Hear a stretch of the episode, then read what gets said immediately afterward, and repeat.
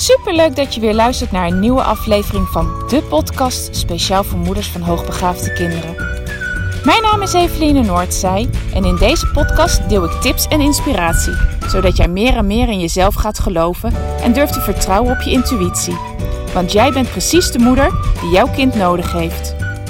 Hoe ga je om met uitdagende situaties?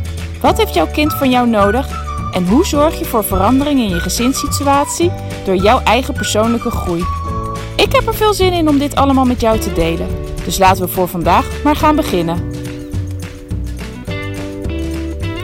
Een nieuwe dag, een nieuwe podcast. Hi, fijn dat je er weer bij bent. Leuk dat je weer luistert.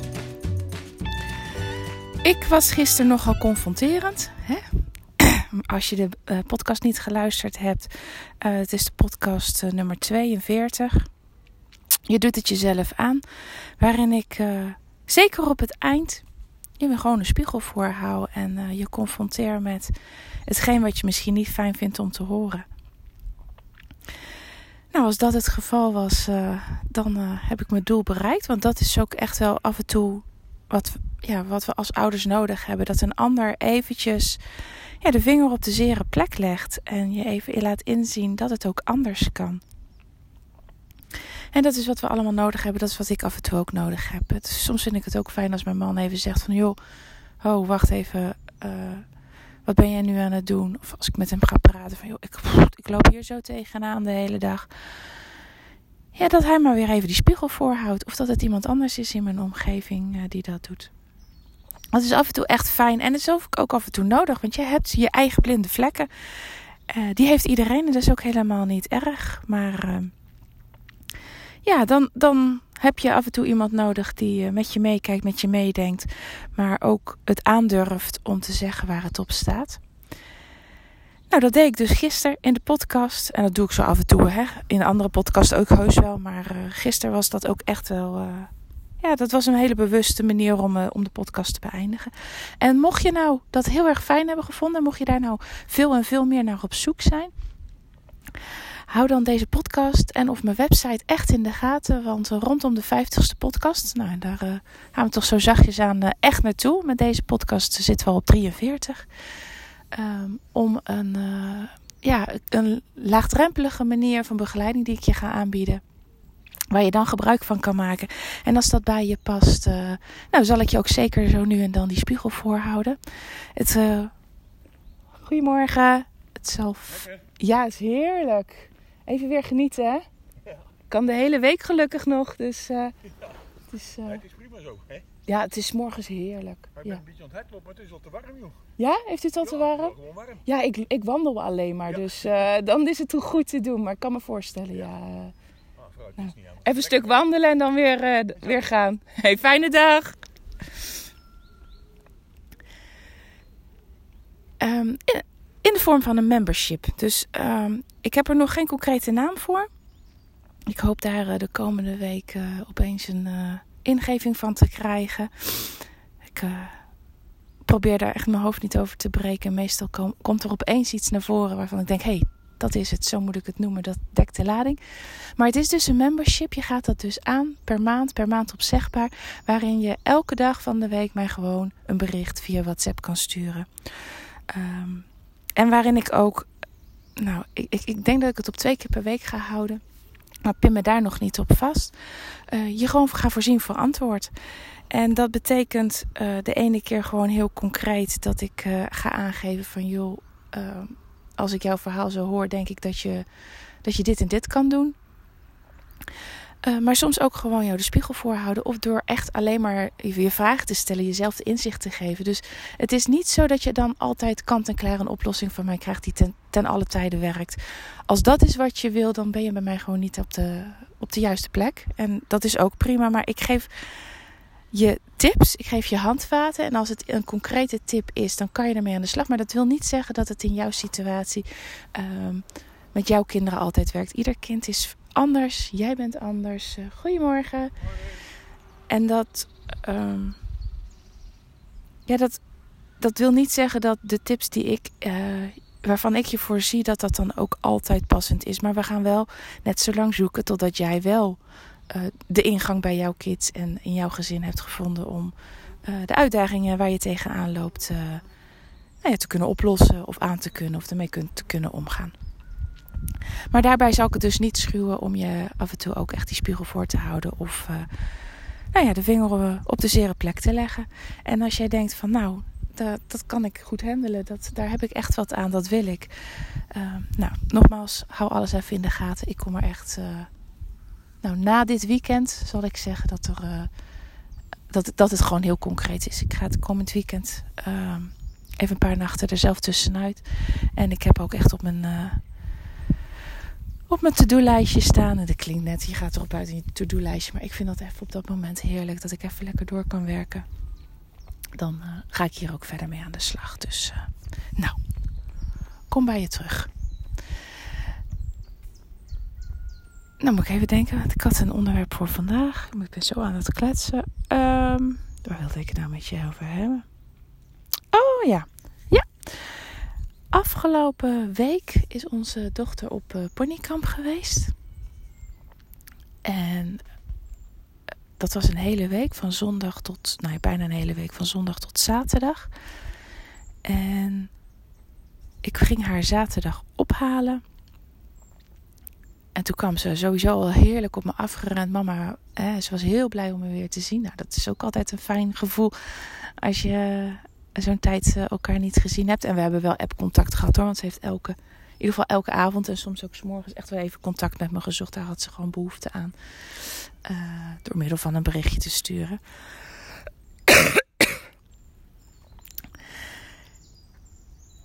En toen hadden ze nog, ze mochten nog een, uh, iets doen met de paarden eh, om ons, aan ons te, te showen.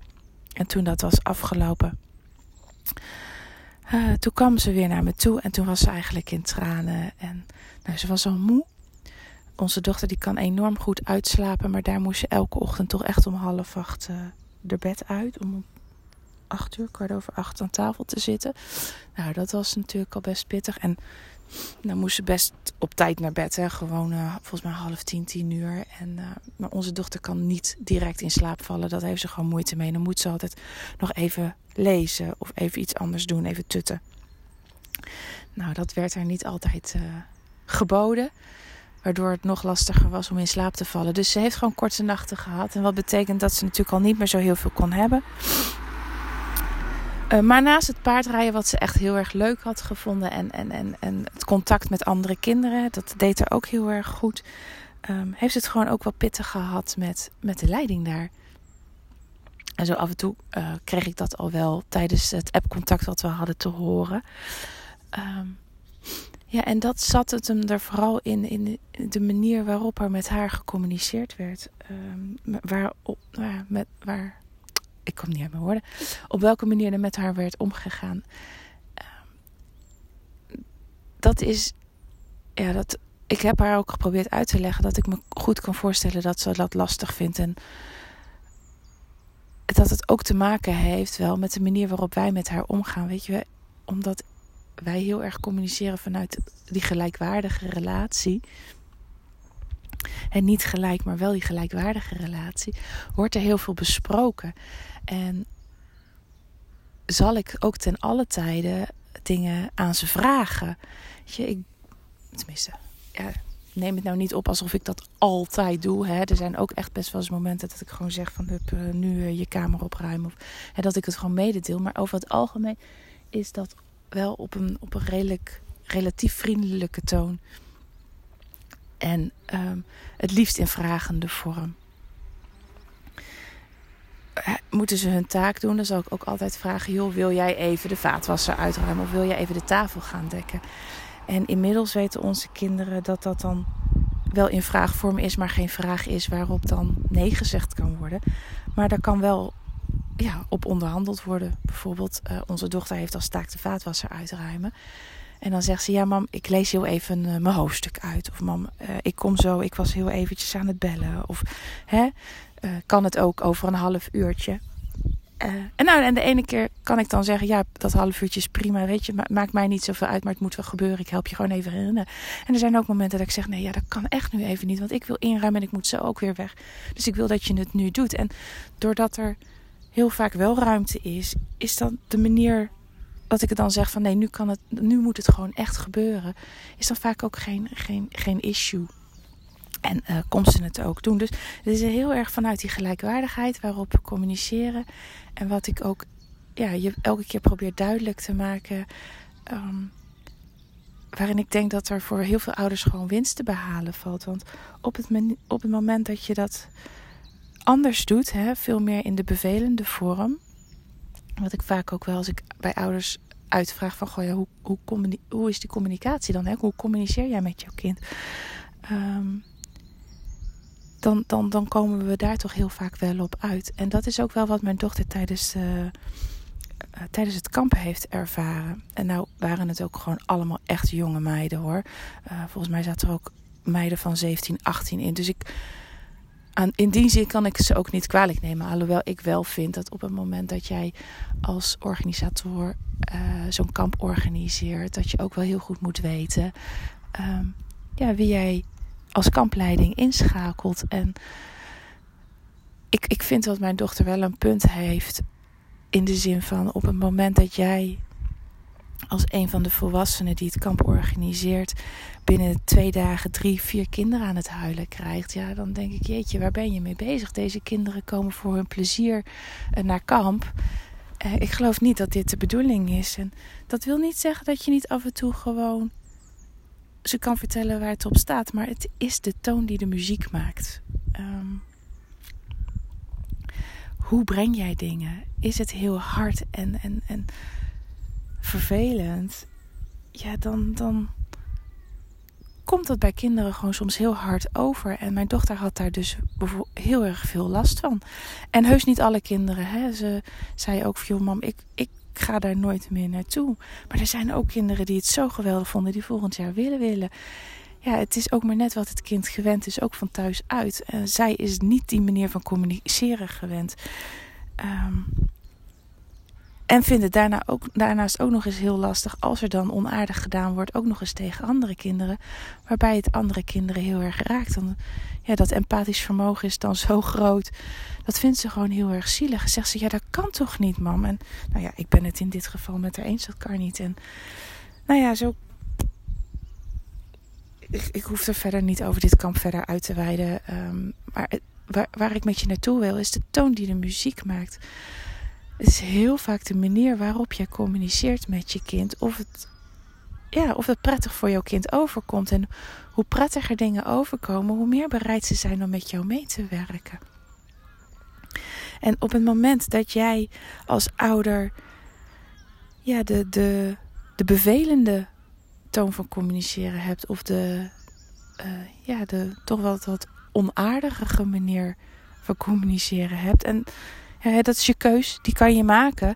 Denk ik dat je, dat je veel meer weerstand van je kind zal verwachten. Als dat je veel meer ja, gewoon de vriendelijke manier hebt. In het verleden, uh, ja, ik, ik vraag gewoon heel veel aan de kinderen. In het verleden uh, was het dan nog wel eens dat als ik iets vroeg aan ze, dat ze zeiden nee.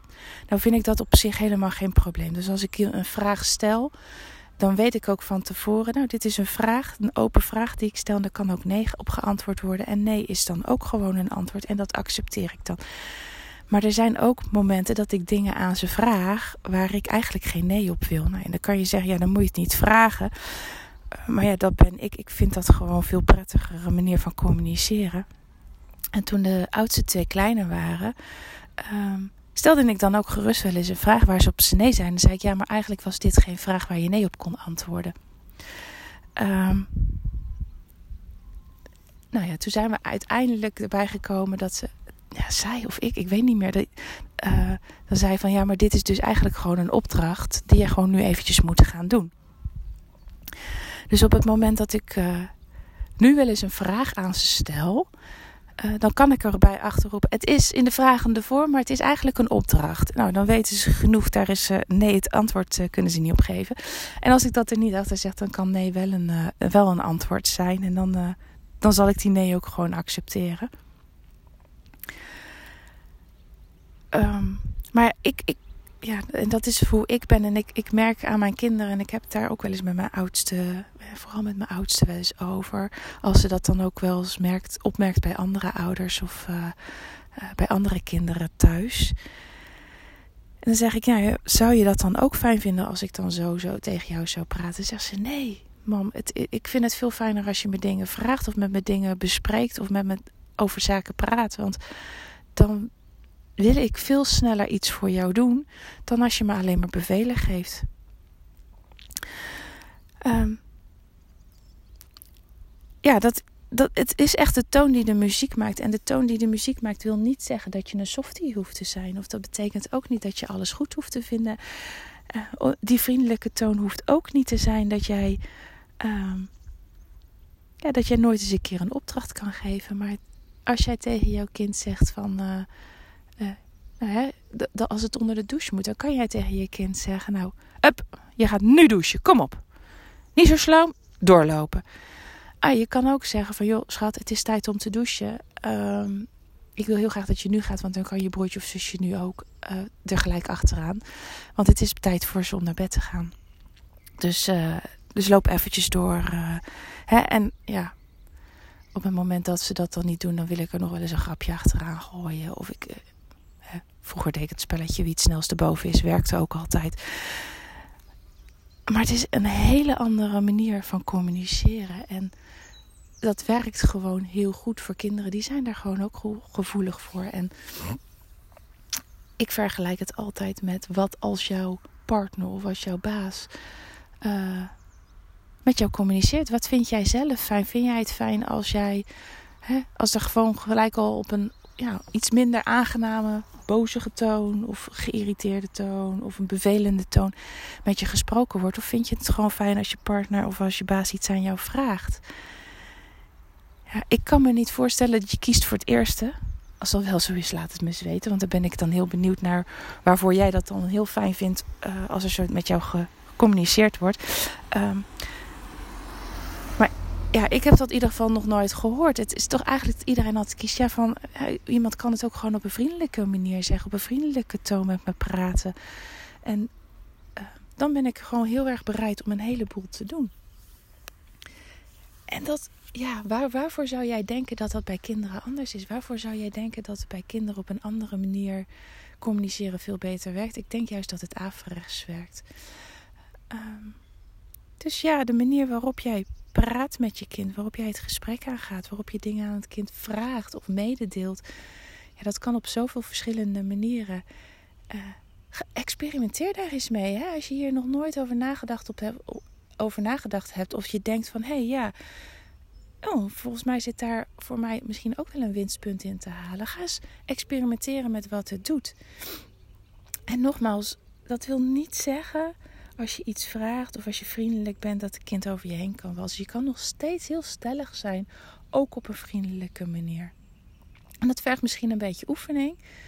Uh, maar dat kan je. Dat, dat heb ik mijzelf aangeleerd. En uh, dat kan jij jezelf ook aanleren. Dat, daar geloof ik echt uh, in. Uh, maar hou eens rekening daarmee en kijk eens wat het, wat het je gaat opleveren. Er loopt een haasje hier over het weiland heen. Mooi. De toon die de muziek maakt, ja, ik denk dat daar, uh, dat daar heel veel winst te behalen valt. En uh, het doet me ook denken aan wat mijn ouders mijzelf ook altijd mee hebben gegeven. Um, je mag alles zeggen.